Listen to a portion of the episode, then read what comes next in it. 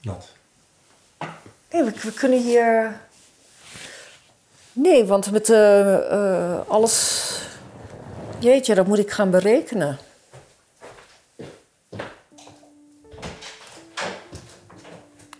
Als we geen bedrijfsinkomsten hebben en geen huurinkomsten, kunnen we hier niet blijven wonen. Het is alsof je je dat nu pas realiseert. Ja. Ja. Ja, de meest gekke dingen kunnen gebeuren. Dat laat corona zien natuurlijk. Ja. Hoe beleefden zij de coronacrisis? Utrechters met een kwetsbare arbeidsmarktpositie. Ja, ik, dan slaat het wel in. Hoe verging het hen, Alles tegelijk. financieel en emotioneel? Giftige cocktail, zeg maar, op dat moment. En welke hulp kregen ze? Of kregen ze niet? Ik hoor het kabinet nog zeggen halverwege maand. Ondernemers belaat u niet in de steek.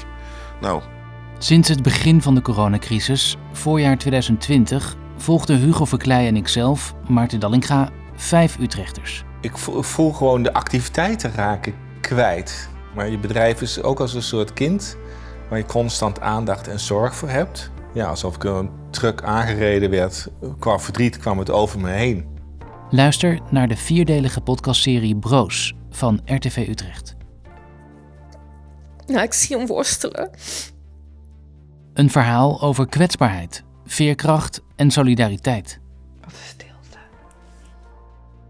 Met originele muziek van het Utrechtse collectief Flux. Stiekem hoop ik gewoon dat ze ons die kans willen geven eigenlijk. Omdat ze zien dat wij wel heel erg hard ervoor vechten. en ik denk dat niet heel veel mensen doorhebben eh dat ik hier nog lang niet mee klaar ben. En ik krabbel ook weer terug. Ik denk dat het goed komt.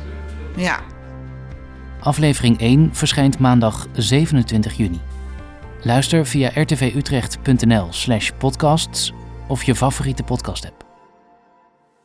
Begin me nu echt wel een beetje zorgen te maken. Zo raar.